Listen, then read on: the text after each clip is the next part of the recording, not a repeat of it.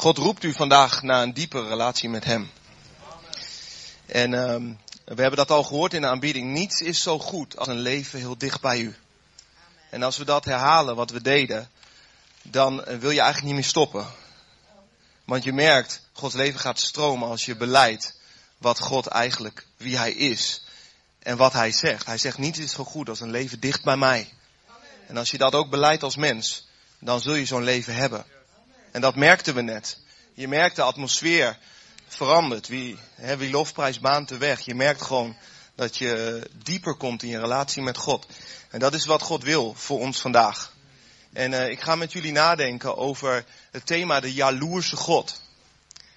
En uh, er staat in de Bijbel, God is een naijvere God. Hij is een jaloerse God. En toen ik daarover nadacht, dacht ik, hè, hoezo God een jaloerse God? God zegt toch tegen ons dat we niet jaloers moeten zijn? Beetje tegenstrijdig, vind je niet? En, um, want God zegt, wees niet jaloers op de vrouw van een ander. Wees niet jaloers op de bezittingen van een ander. God gebiedt ons dat niet te doen. Want er komt een hoop ellende van als we dat wel doen, toch? En toen zat ik na te denken, waarom zou God nou jaloers zijn? Bedoel, als één iemand alles heeft. Ik bedoel, spreek en het is er. Waarom zou je dan jaloers moeten zijn? En um, als je daar eens wat dieper op ingaat, dan zie je dat God alles heeft, behalve één ding. En dat is de keuze van een mens. Dat heeft hij niet. En daar worstelen wij best wel eens mee, want wij, als wij de ellende zien om ons heen, denken we, Heer, had u niet gewoon die boom niet in de hof kunnen zetten? Dat is een stuk makkelijker geweest. Toch? Maar God geeft ons een keuze. Als je, als God ons gewoon had gedwongen, dan had hij er ook geen vreugde aan beleefd als we van hem zouden houden. Dat wist hij toch al. Want we waren gemaakt om niks anders te doen dan dat. Dus is ook geen verrassing meer. En God gaf ons een keuze. En met die keuze maakte God zichzelf heel kwetsbaar. Immers, we kunnen ook tegen hem kiezen. En dat kwetst hem. Maar hij heeft zichzelf zo kwetsbaar gemaakt. Door ons die keuze te geven. Het is alsof je, uh, velen van ons hebben, hebben kinderen, het is alsof je je kinderen moet gaan loslaten. Je hebt ze altijd gekoesterd, dicht aan je hart gehad. Je hebt ze alles geleerd wat nodig is. En ze mogen eigen keuzes gaan maken. En dan moet je ze loslaten, moet je ze laten gaan. En dan sta je gespannen te kijken, doen ze het goede of niet? Ze mogen zelf kiezen. Gaan ze iets goed maken wat mis is gegaan uit zichzelf? Gaan ze eerlijk zijn uit zichzelf, terwijl ze de mogelijkheid hebben om gewoon winst te halen oneerlijk? En als je als ouder ziet dat je kind dit doet, dan is je blijdschap volkomen. Zeg, oh, dank u Heer. Mijn kind kiest goed. En je, en je ziet door deze goede keuzes dat het je kind goed zal gaan, toch? Maar je kan ook zeggen, weet je, ik wil dat mijn kind altijd goed gaat. Dat hij altijd goede keuzes maakt. Dus ga ik constant kijken wat hij doet. Nee, nou hier moet je een stukje zo, hier moet je een stukje zo. Want dan gaat het goed met je. Misschien heb je om je heen zulk soort situaties gezien. Waar ouders te dicht op hun kinderen zaten. En op een gegeven moment worden die, worden die kinderen knotsknettergek van die ouders. En die, die, die gaan rebelleren, die gaan wegwezen van die ouders. Want ze hebben het nodig om zelf te gaan groeien, zelf keuzes te gaan maken. Je ziet, dat werkt niet. Dat is geen liefdesband. Dat is een dwangbuis waar je uit wil. En zo is het eigenlijk ook met je geliefde. Met je, met je vrouw, met je meisje, met je jongen als je een vrouw bent. Als je iemand lief heeft, dan zeg je, joh, ik wil altijd bij jou horen. Ik wil voor altijd bij jou zijn. En je kan diegene dan constant gaan controleren of die inderdaad ook altijd van jou is. Of die niet is. En je kan een cameraatje kijken en als dan bijvoorbeeld in het geval van de man een mooie vrouw langsloopt, dat die camera signaleert of, of die blik zo gaat of niet. Weet je wel, je kan, nou ja, je kan iemand helemaal gaan controleren. Maar wat, wat verblijdt je hart? Dat degene uit zichzelf, zonder dat je iets daaraan deed, kiest voor jou. Jou de leukste vindt. Jou de fijnste vindt. Jou de beste vindt. En dit is wat God deed. Hij maakte zichzelf kwetsbaar door ons een keuze te geven. En daarom is hij jaloers. Als er iets anders is wat onze aandacht afleidt van hem, dan wil hij ons hebben. Maar wij mogen kiezen. Het is belangrijk te zien wie God is. Als we Hem willen kennen. God is liefde. En we zien dat Hij um, verbonden sluit met degene van wie Hij houdt. Hij maakt afspraken. Want Hij is in een verbond is veiligheid, is trouw. En om God te, goed te kunnen kennen, uh, lees ik eerst een stukje met jullie uit Matthäus 22. Daar um, wordt aan Jezus gevraagd, wat is het grootste gebod uit de wet? En Jezus zegt in vers 37, heb de Heer uw God lief met heel uw hart, met heel uw ziel en met heel uw verstand. Dat is het grootste en eerste gebod. En het tweede is daaraan gelijk, heb uw naaste lief als uzelf. Deze twee geboden zijn de grondslag van alles wat er in de wet en de profeten staat. En daarna in Romeinen 13 wordt opnieuw verwezen naar de liefde. Wees elkaar niet schuldig behalve de liefde. Want wie de ander lief heeft, heeft de hele wet vervuld. Want pleeg geen overspel, pleeg geen moord, stil niet, zet uw zinnen niet op wat van een ander is. Deze en alle andere geboden worden samengevat in die ene uitspraak. Heb uw naaste lief als uzelf. De liefde berokkent uw naaste geen kwaad. Dus de wet vindt zijn vervulling in de liefde. En Johannes 4 zegt, wie niet lief heeft, kent God niet. Want God is liefde.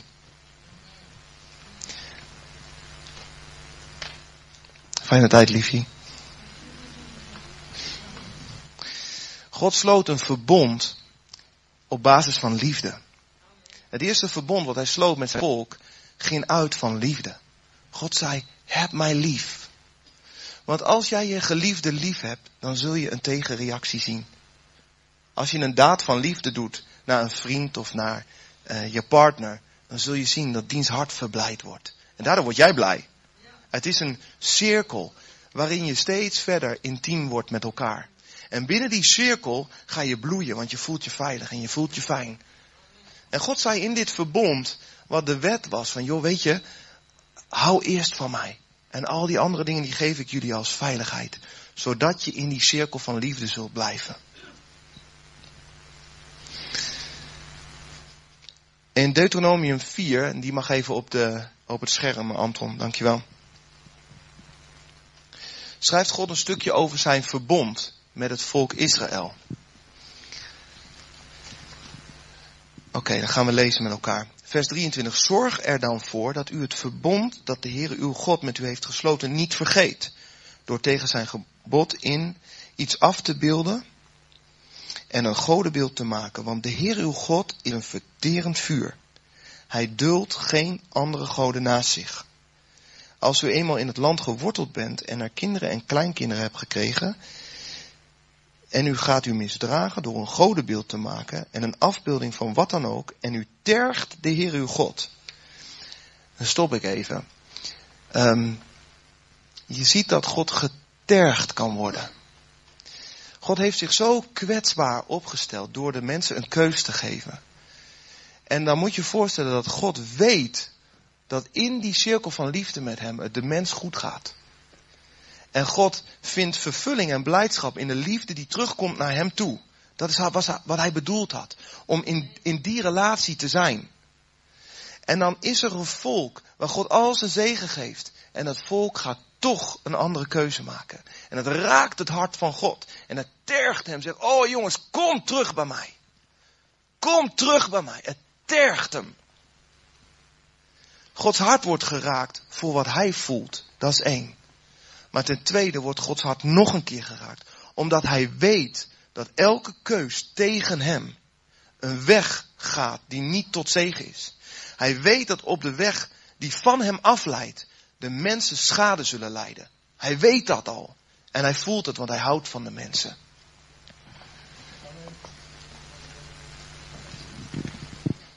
Als u eenmaal in het land geworteld bent en uw kinderen en kleinkinderen hebt gekregen en u gaat u misdragen door een godenbeeld te maken, een afbeelding van wat dan ook, en u tergt de Heer uw God door te doen wat slecht is in zijn ogen. Ik roep vandaag de hemel en de aarde op als u getuigen tegen u, dat u dan spoedig zult worden verdreven uit het land aan de overkant van de Jordaan dat u in bezit zult nemen. Daar zal u dan geen lang leven beschoren zijn, integendeel, u wordt, zult worden weggevaagd. De Heer zal u uiteenjagen en wegvoeren naar vreemde volken, waar maar een klein aantal van u zal overblijven. Daar zult u dan andere goden vereren. Goden van hout, van steen, door mensen gemaakt. Goden die niet kunnen horen, niet kunnen, niet kunnen zien, niet eten en niet ruiken. Tot zover even. Je ziet dat God is een verterend vuur in zijn liefde. Er is niemand die zo lief kan hebben als God. Als Gods liefde over je komt, werkelijk elke vezel van je lijf geliefd. Elke vezel van wie je bent is geliefd. En als hij geraakt wordt, dan zul je ook merken dat hij ook een verterend vuur is. En dat zijn, dat zijn hart pijn doet voor dit volk. En het heeft consequenties als je van God afloopt. Weet je, God is een verbondsgod. God is geen God om mee te flirten. Iedereen weet, iedereen die uit een leven komt waar alleen maar geflirt wordt en kortstondige relaties zijn, weet dat het, dat het schade berokkent. En dat het niet de cirkel is van liefde die God voor ons bedoeld had. Je weet het. En Gods liefde is zo kostbaar, je kunt ook niet zo met Hem omgaan. En elke daad, elke keus van Hem af heeft zijn consequenties. Namelijk dat je verder van die cirkel van liefde die Hij bedacht had, dat je daar verder van afgaat. En soms denk je, hoe is het te rijmen dat God zo'n volk wegvaagt? Maar als we verder lezen, in vers 29, dan zien we het hart en de bedoelingen van God.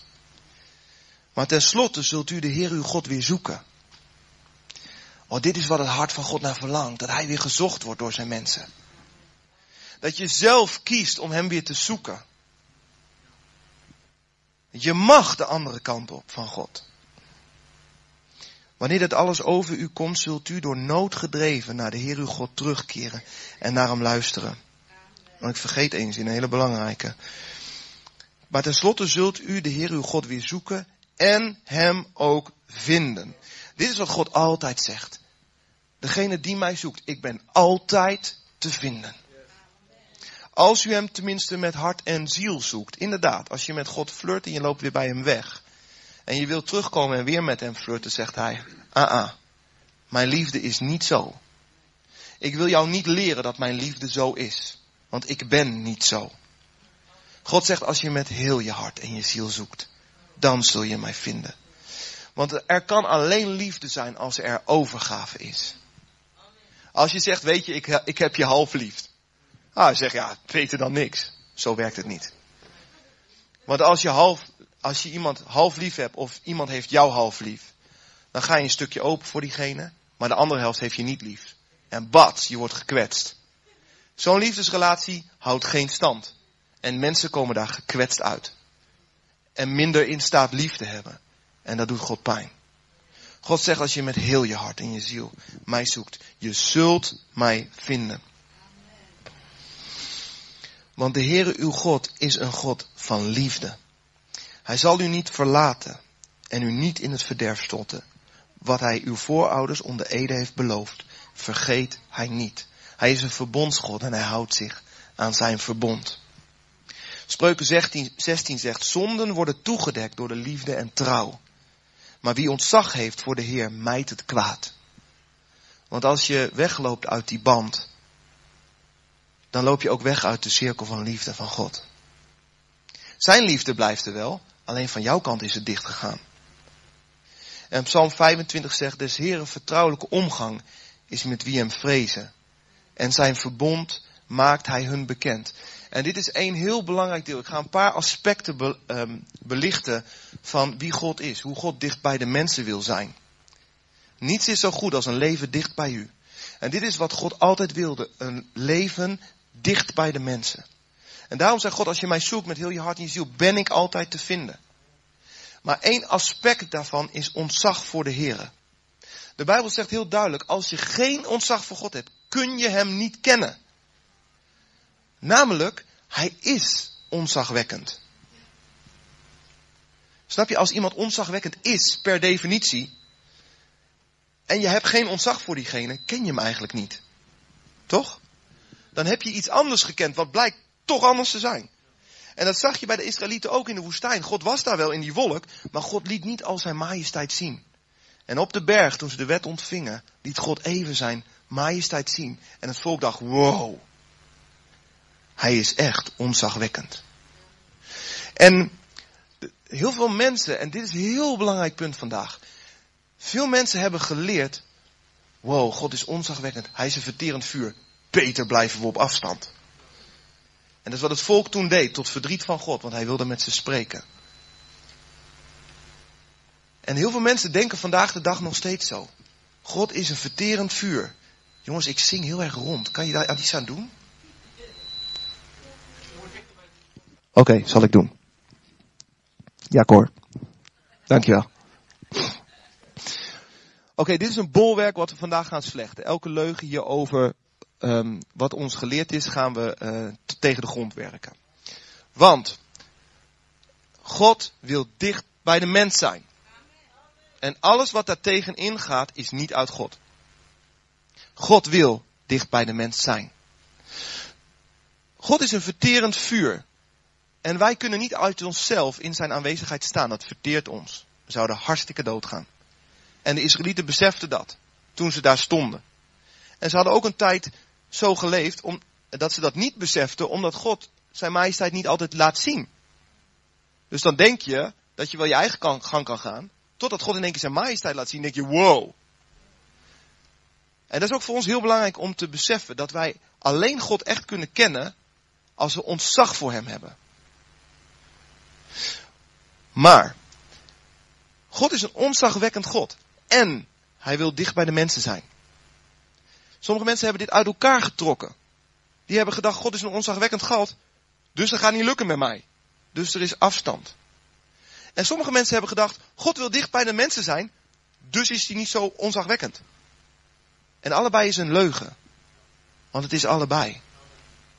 Het is heel belangrijk dat we dit verankeren. Zonder ontzag voor God kunnen we Hem niet kennen. En hij wil dat we ontzag voor hem hebben. En dat is een weg naar intimiteit met hem. En God laat heel duidelijk zien dat hij de machtige is. Maar God laat ook heel duidelijk zien dat hij dicht bij de mens wil zijn. Als er geprofiteerd wordt over het tweede verbond, namelijk het verbond van de genade van Jezus, wordt er gezegd, zijn naam zal zijn Immanuel. En Immanuel betekent God met ons, God met de mensen. God liet zien, ik wil dicht bij de mensen zijn. En we lezen in Johannes 3, vanaf vers 16, want God had de wereld zo lief dat hij zijn enige zoon heeft gegeven, opdat iedereen die in hem gelooft niet verloren gaat, maar eeuwig leven heeft. God heeft zijn zoon niet naar de wereld gestuurd om een oordeel over haar te vellen, maar om de wereld door hem te redden. Normaal zou je zeggen, het verterende vuur, God komt naar de mensen toe, dat gaat mis. En daarom zegt God zo duidelijk erbij, ik ben niet gekomen om je te oordelen. Ik ben gekomen om de wereld te redden. En dit was nodig dat God dit zei. Want in het Oude Testament, als God dichtbij kwam, kwam de vrezen des Heren over, over ze, maar ze konden ook verteerd worden door zijn vuur. Maar Jezus zegt, ik kwam om te redden. Vers 18, over wie in hem gelooft wordt geen oordeel uitgesproken. Maar wie niet in hem gelooft, is al veroordeeld. Ja, dat klopt. En waarom is het dan? We hebben de keuze die God ons gaf om tegen hem te kiezen, hebben we gemaakt. We hebben tegen hem gekozen. En daarmee hebben we besef gekregen wat goed is en wat kwaad. Dus wij weten donders goed wat goed is. En ook wat kwaad is. En als we zien dat God alleen maar goed is.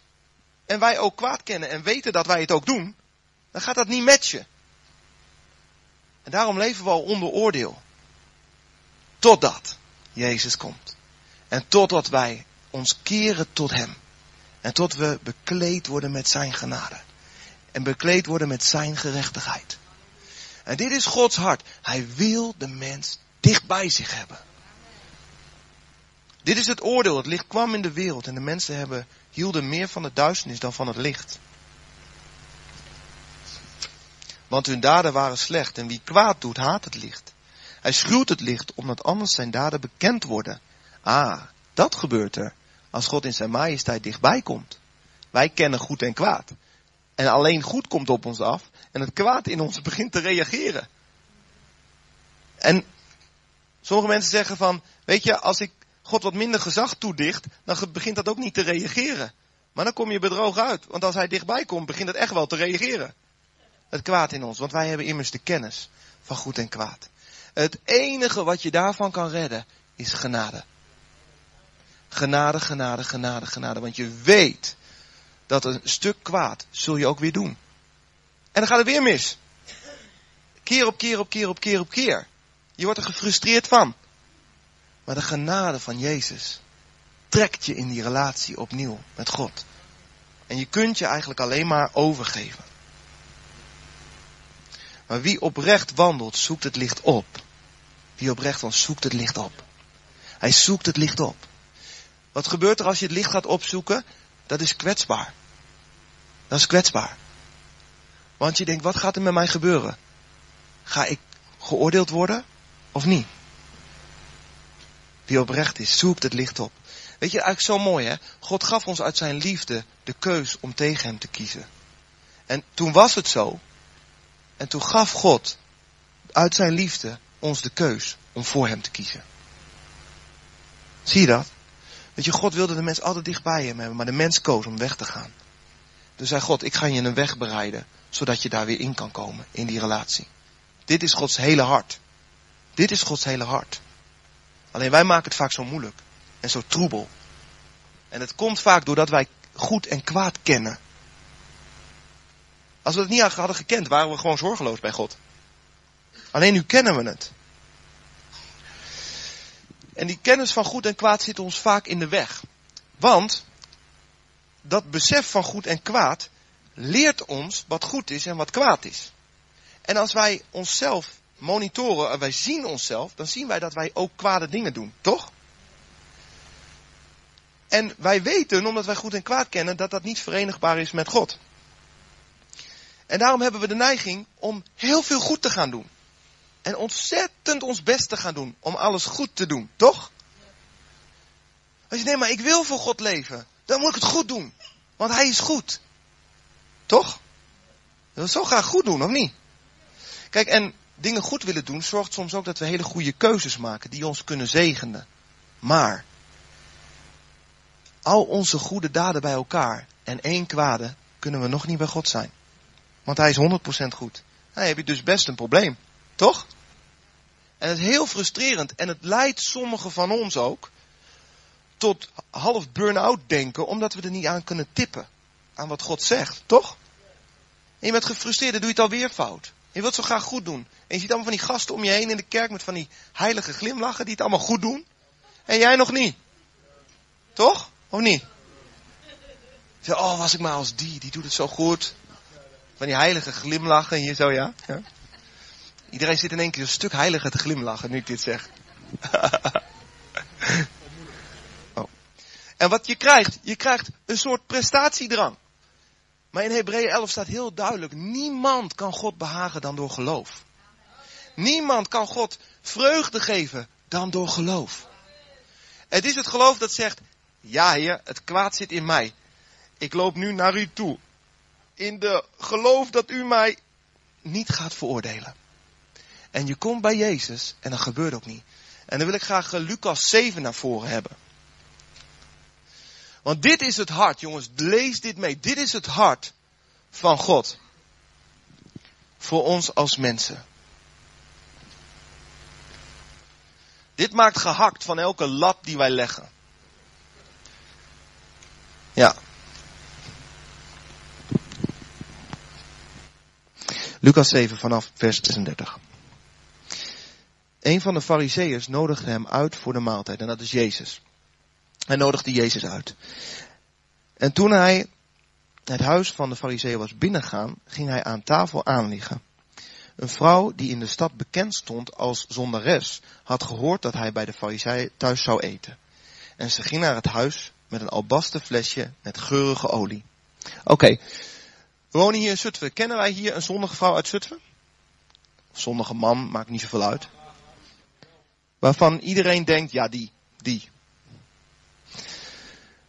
Even om de reputatie van deze vrouw duidelijk te maken. Hè? Dit was een prostituee. Dus je weet gewoon, hè, bij Deventer weet je dat je als je onder de brug doorrijdt, dat daar een aantal ramen zijn. Nou, hier zal je vast ook wel iets hebben, ik weet niet. Maar de mensen wisten, oh dat is die, die woont hier ook op dorp. Dus die wisten dat. En zij gaat naar het huis van een fariseer. Oké, kennen wij de fariseeërs een beetje? Die waren echt met superheilige glimlachen. Deze mensen verkondigden de wet van God. Jongens, zo moet je leven. Zo moet je leven. En wij doen het goed. Volg ons voorbeeld. En sterker nog, ze maakt het nog moeilijker voor de mensen, omdat ze allemaal regels oplegden die God helemaal niet bedacht had.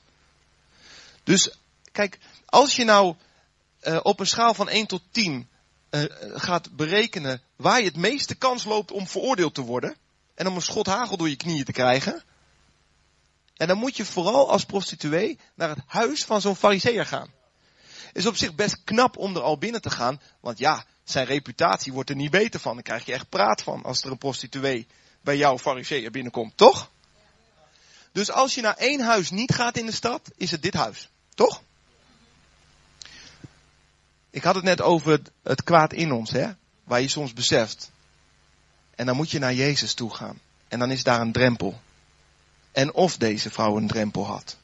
Om naar dat huis te gaan. Ze ging achter Jezus staan aan het voeteneinde van het aanlichtbed. Ze huilde.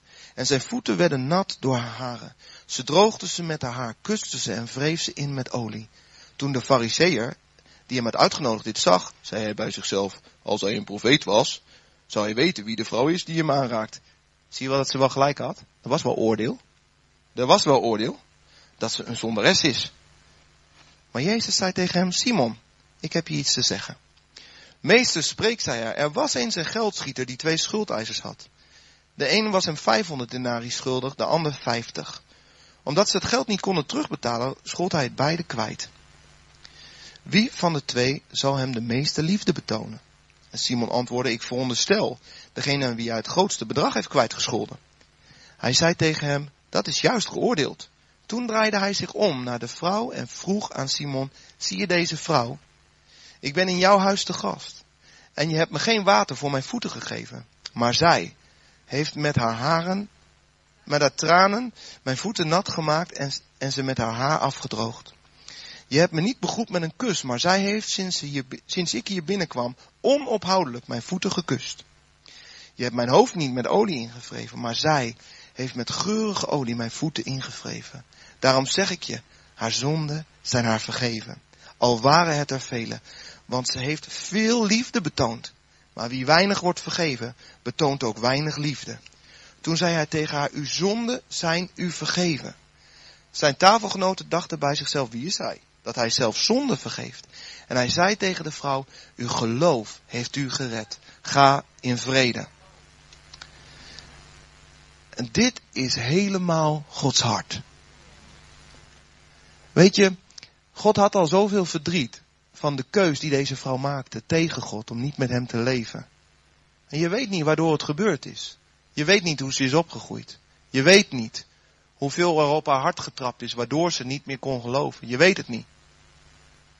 God had al zoveel verdriet van die keuze. En als God kijkt naar deze vrouw die vele zonden begint, zag God elke zonde die haar verder kapot maakte. En hij had nog een keer verdriet. En de fariseeën die zitten alleen maar te kijken of ze binnen de lijntjes loopt. Maar Jezus kijkt met zijn hele hart uit naar het hart van de vrouw dat zich weer naar hem toekeert. En dit is het evangelie. Die vrouw had niks gedaan behalve liefde betoond. Ze had alleen maar gehuild, zeg heren. En liefde betoond. En Jezus is niet te houden. Het raakt zijn hart. Want dit is de essentie van hoe God met ons om wil gaan. Hij wil de harten dicht bij elkaar hebben. Dit is wat God wil. En hij zegt deze vrouw, tegen deze vrouw, jouw geloof. Jij geloofde dat ik jou niet zou afwijzen. Jij geloofde dat je dit huis binnen zou komen. Je geloofde dat je bij me zou kunnen komen. En je geloof heeft je gered. Want ja, zo ben ik. Ik vergeef ieder die zich kwetsbaar opstelt naar mij. Weet je, je ziet, God heeft zichzelf kwetsbaar opgesteld door ons de keus gegeven. En als wij met onze kwetsbaarheid Hem antwoorden, dan raakt het zijn hart. Als wij met onze liefde zijn liefde beantwoorden, dan raakt het zijn hart. Je zult er versteld van staan als je Gods woord onderzoekt. Hoeveel je gedaan krijgt van God als je Hem lief hebt. Hoeveel dingen met men, en mensen met dingen wegkwamen. Waar wij van dachten, nou nou gaat dat zo makkelijk. Maar als God ziet ons hart, wat van hem houdt, wordt zijn hart week. En het houdt van ons. Hij vaagt niet weg wat zwak is. Maar de trotse en hoogmoedige, daar blijft hij verre van. Want die weten het zelf zo goed.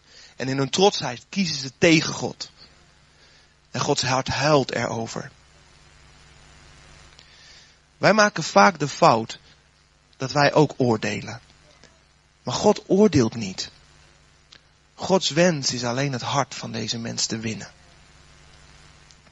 Jacobus 4, vers 4 zegt, overspelige, weet gij niet dat de vriendschap met de wereld vijandschap tegen God is? En als je nou heel eerlijk bent, deze vrouw was duidelijk overspelig, omdat ze telkens iemand anders had. Maar God zegt dat wij hem op nummer 1 moeten hebben. Nou, als ik terugkijk in mijn leven hoe vaak ik God niet op één had, dan ben ik hartstikke overspelig. Als, als alles wat op de eerste plek stond vreemd gaan is, ben ik hartstikke overspelig. En het ligt er ook nog aan welk level. Tot wat mag je kiezen? Wat vraagt God van je? En staat hij dan nog steeds op één? Jacobus 4 zegt, overspeligen weten niet dat de vriendschap met de wereld vijandschap tegen God is.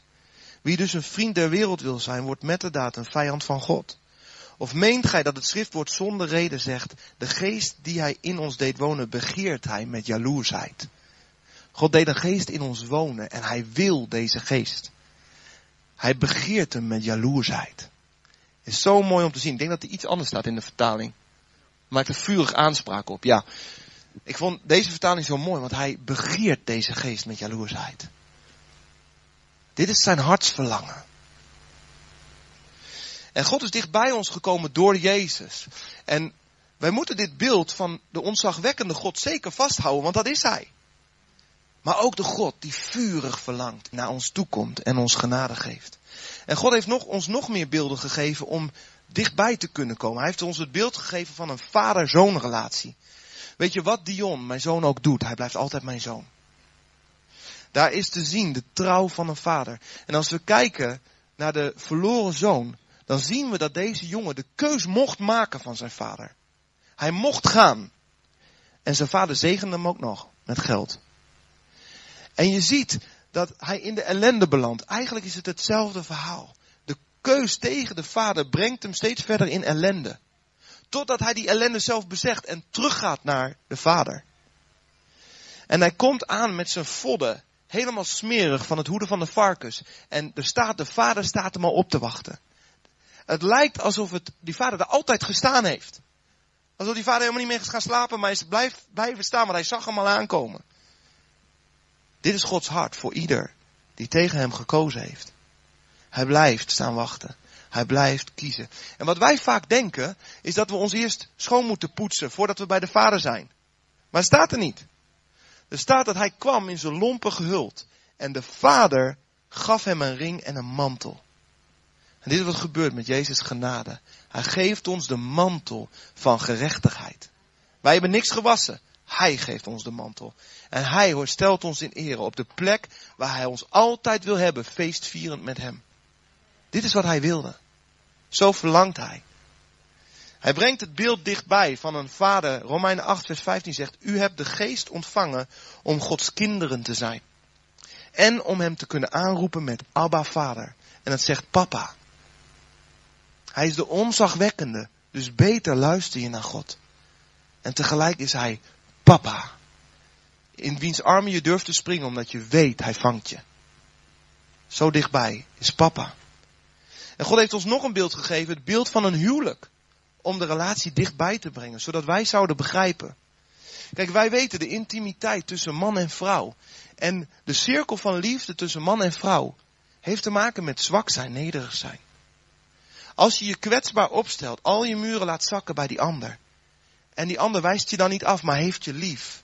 Dan is je vreugde volkomen. En als je dat terug doet, dan krijg je een cirkel van liefde waarin je samen zo sterk wordt. Dat je weet, ik ben geliefd. En dit is wat God wilde voor ons. God noemt al degenen met, wie hij een verbond sloot, noemt hij bruid. Hij noemt zijn volk bruid, Israël. Hij noemt Jeruzalem bruid. Hij noemt de gemeente bruid. Al zijn verbonds mensen noemt hij bruid. Want hij heeft ze innig lief. En hij verlangt vurig naar de liefde van de bruid.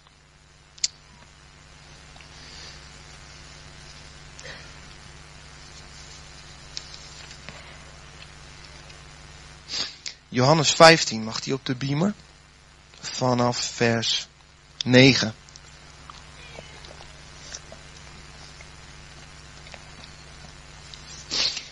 Jezus zegt, ik heb jullie lief gehad, zoals de Vader mij heeft lief gehad. Blijf in mijn liefde. In de liefde van de Heer Jezus blijven is best wel een belangrijk ding. Want um, ik denk dat iedereen van ons uh, de eerste liefde voor Jezus kent. Dat je in vuur en vlam staat omdat je ontdekt wie Hij is. Maar we ontdekken ook dat dat soms minder wordt. Of dat we toch in onze gedachten dingen toelaten die niet kloppen met wat God zegt. Of we maken keuzes weer van Hem af. Of we gaan goed en kwaad weer meer laten spreken dan de genade van Jezus. Waardoor we verwijderen van Hem omdat we merken, ja dat, dat, dat matcht niet met elkaar. In zijn liefde blijven betekent eigenlijk dicht bij hem blijven. Kijk, als je het vergelijkt met een vriendschap of met een huwelijk, dan blijf je ook dicht bij elkaar, toch? Kijk, als je zo, met zoveel zorgen rondloopt en ellende rondloopt, maar je zegt het nooit tegen je partner, dan blijf je, nooit, blijf je niet dicht bij elkaar. Jezus zegt, blijf in mijn liefde, blijf dicht bij mij. Blijf je bewust van mijn liefde, mijn genade voor jou. En een tweede ding wat heel erg belangrijk is, is dat Jezus zegt dat je gehoorzaam moet zijn. Je blijft in mijn liefde als je je aan mijn geboden houdt. Zoals ik me ook aan de geboden van mijn vader gehouden heb en in zijn liefde blijf. Kijk, weet je, hier hebben we te maken, als wij hier strijd tegen voeren, met de tijdgeest. Het is zo dom. De tijdgeest zegt dat vrijheid is doen waar je zelf zin in hebt op elk moment. En dat je eigenlijk je vrij moet breken van alles wat er over je gesteld wordt. Hoe dom kun je zijn? Hoe dom kun je zijn om dat te geloven? Doe, volg mensen die dat motto aanhangen. En zie hoe hun leven naar de vernieling gaat. God heeft ons gemaakt om intimiteit met Hem te hebben, punt 1, want we zijn door Hem gemaakt. Weet je wel, meestal is, snapt de maker het beste hoe het product in elkaar zit, toch? Ja, hij schrijft niet voor niks de manual. Hè? De vrijheid die wij ons um, aangematigd hebben, zegt eigenlijk dat wij God zijn. En dat wij kunnen bedenken wat goed voor ons is. Nou geloof me, dat komt niet goed. En het is eigenlijk dwaasheid dat de mensen dat niet vaststellen. Want je kunt het gewoon wetenschappelijk, objectief gewoon vaststellen. Kun je gewoon vaststellen hoor. Echt. We zijn gemaakt om in Gods liefde te zijn. Maar daar hoort ook bij dat we Hem gehoorzamen. Daar hoort het bij. Weet je, vrijheid verheft zichzelf eigenlijk. Weet je wel, ik bepaal het zelf. Ik laat mij niet iets zeggen, want ik vind zelf iets. Ik ben assertief en ik, weet je wel, dat moet je allemaal zijn tegenwoordig. Maar wat een zegen is het als je luistert naar degene die over je gesteld zijn. Als je luistert naar God. Als je luistert naar je vrouw. Als je luistert naar je man. Wat een zegen komt daarvan. Er is zoveel bescherming in de geboden van God. Weet je, als we die vrijheid najagen en die trots, weet je wel, dan doen we net alsof God dingen bedacht heeft tot ons ongemak. Zeggen veel mensen ook, hè? Als je God gaat dienen, oh, maar dit niet meer, maar dat niet meer, moet je, moet je in een keurslijf lopen. Wat een onzin. God heeft ons gemaakt om te bloeien in de liefdesrelatie met Hem. En Hij weet dat je alleen kan bloeien als er veiligheid is. En als je je geliefd voelt. En als je weet dat je mag komen. Als je weet dat God kijkt met een glimlach naar je. Dan kun je bloeien, toch? Als je weet dat je niet afgewezen wordt. Dan kun je bloeien. Johannes 15 verder. Als je, je blijft in mijn liefde als je aan mijn geboden houdt. Zoals ik me ook aan de geboden van mijn vader gehouden heb en in zijn liefde blijf. Het is de bescherming. Dit zeg ik tegen jullie om je vreugde te geven. Dan zal je vreugde volkomen zijn. Weet je, als ik mijn liefde betoon aan Arena, mijn vrouw. En als ik haar lief heb met woorden. Of met een compliment, met een knuffel. Weet je, en ik geef. Weet je, en ik zie haar reactie. Dan verblijdt het mijn hart. Toch? Maar zo is God ook. Als we Hem lief hebben. Als we zeggen, Vader ja, ik wil naar U luisteren. Ja heren, ik, ik wil acht staan op Uw woord. Ja heren, ik wil doen zoals U zegt. Heren, want ik weet dat wat U zegt is goed, want U houdt van mij en ik hou van U. Dan verblijdt het Gods hart. En weet je, als God hart zich verblijdt, is dat niet ergens ver weg achter de planeten. Maar dat merken wij.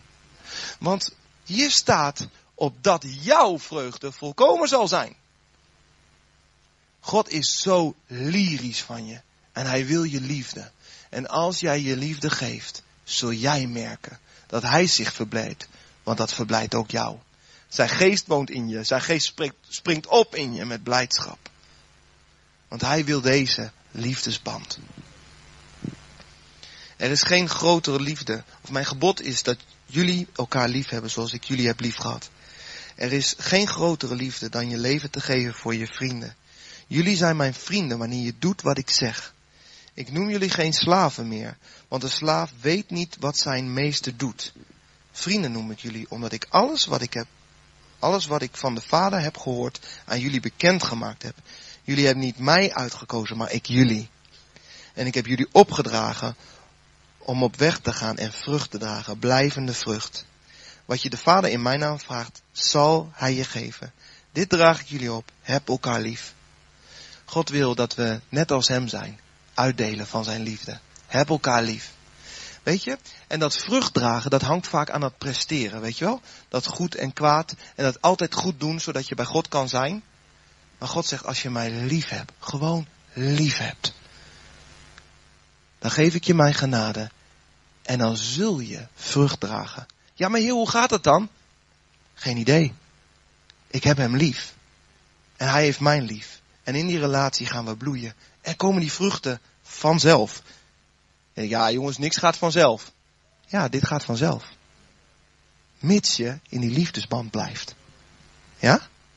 En er zit dus geen dwang op, geen druk op. Maar er is ook geen sprake van luiheid. Er is een liefde. Want liefde is vurig. Ieder die liefde heeft ervaringsleefde. Liefde is vurig. Dan moet je vooral een relatie hebben met een verterend vuur, wie God is. Dan heb je vurige liefde. En die vurige liefde die gaat iets doen. Die zet je in de fik. Maar dat gebeurt door die liefde. Dat gebeurt niet omdat je fik moet hebben en dan bij de club hoort. Ja, maar dat denken sommige mensen hoor. Ik heb het ook wel eens gedacht. Ik wil zo graag erbij horen. Maar het gebeurt in de intieme plek. Toch? Toch? Oké. Als je, het is misschien een rare vergelijking, hè, maar als je vergelijking maakt met seksualiteit tussen man en vrouw, gebeurt in intieme plek en daar komt vermenigvuldiging uit voort, toch?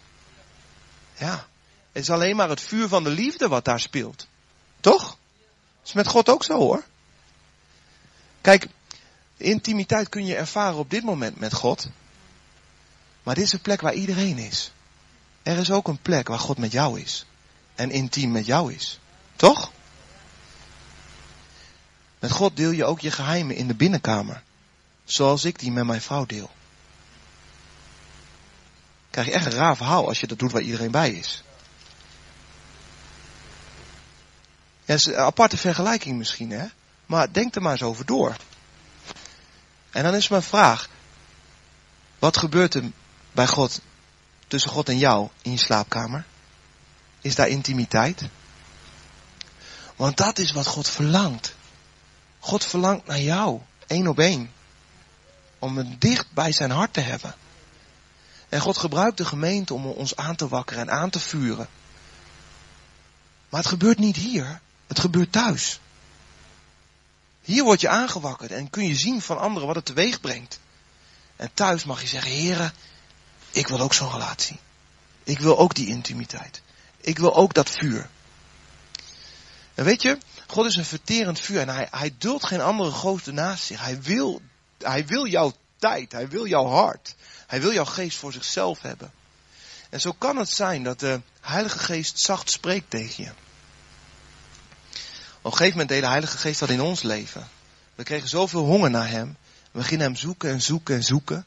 En we hadden een patroon dat als ik thuis kwam en we hadden gegeten, zet ik de tv aan en ik zette hem eigenlijk niet meer uit.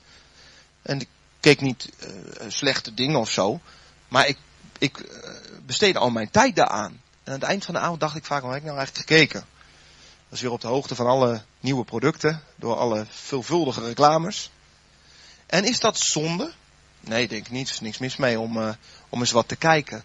Dus daar ging het niet over. Het ging niet over goed en fout. Maar de, onze tv begon te haperen. Weet je wel?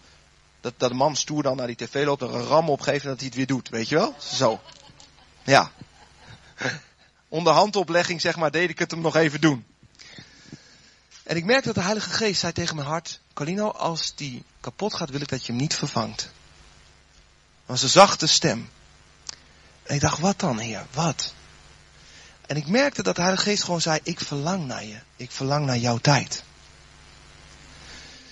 Is dat een wet? Nee, er was geen wet. De Heilige Geest zei niet: Het is zonde als je tv wegdoet. De Heilige Geest verleidde mij om tot diepere intimiteit te komen. Liefde trekt je soms er ook in. God zegt in zijn woord tegen Israël: Ik heb je met koorden van liefde getrokken. Weet je wel? Ik, ik, ik prikkel je om mij nog verder lief te hebben. En hij ging nog een keer haperen en nog een keer haperen. En ik dacht, ja, we vinden het ook gezellig samen om te zitten. Ik denk, hoe ga ik dat nou tegen Aren zeggen dan? Weet je wel, soms zo raar als Gods geest spreekt. Denk ja, dus ik had maar gebeden, Heer, wilt u haar ook laten zien? En op een gegeven moment, het ding ging stuk. En uh, ik zeg, ja, Aren, ik denk dat we hem niet moeten vervangen. Want uh, de Heilige Geest zegt het. En daar hadden we het eerst even moeilijk mee. Want het was ook wel gezellig. En we hebben besloten om ons um, in de diepere intimiteit te laten trekken. En we hebben gedacht, ja, Heer, wilt, wilt u dan wat we met deze avond doen? En we zijn gaan aanbidden. We zijn God gaan aanbidden. We zijn naar zijn hart gaan zoeken. Weet je, en er is een boost in onze relatie met God gekomen.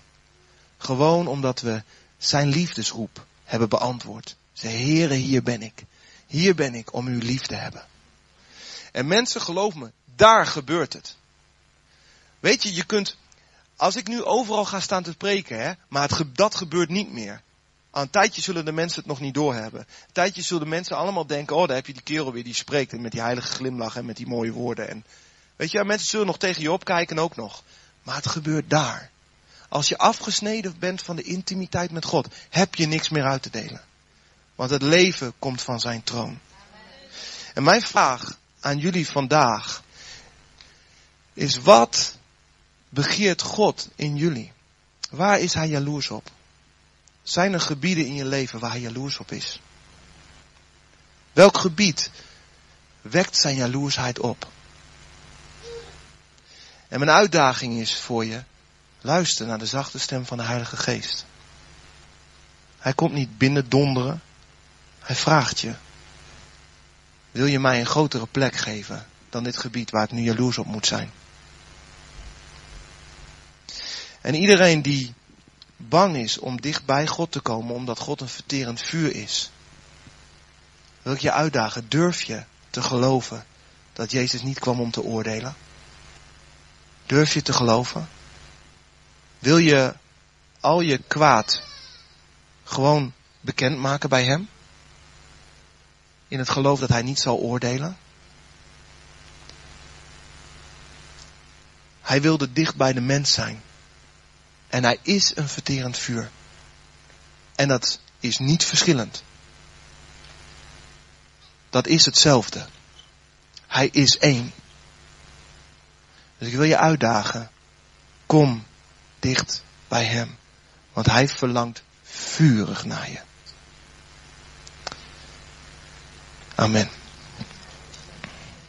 Vader, we we danken u zo, heren, voor wie u bent. U heeft zo'n goed voorbeeld gegeven. Jezus, we danken u zo, heren, dat u kwam. Heren, we danken u zo dat u ons de keus gaf. Dat daarin uw liefde zo zichtbaar is. Heer, ik kan me helemaal niet voorstellen hoe het uw hart heeft geraakt en hoe het uw hart nog straakt. Als mensen tegen u kiezen, heren. Heer, hoe u gekwetst wordt. En u tegelijkertijd pijn heeft over de weg die mensen gaan. Ik dank u, Heer, voor de schreeuw uit uw hart. Kom terug bij mij. En vader, Heer, Heer, dit is, u, u roept ons om dieper bij u te komen. Heer, en dit is wat u doet met uw geest. Om ons dieper te roepen. En ik bid, vader, op dit moment, Heer, en deze hele dienst, Heer, u spreekt al zo. Heer, bid ik dat u gebieden aanraakt, Heer. Heer, gebieden waar wij niet gedurfd hebben om dichter bij u te komen. Bang dat u ons zou afwijzen.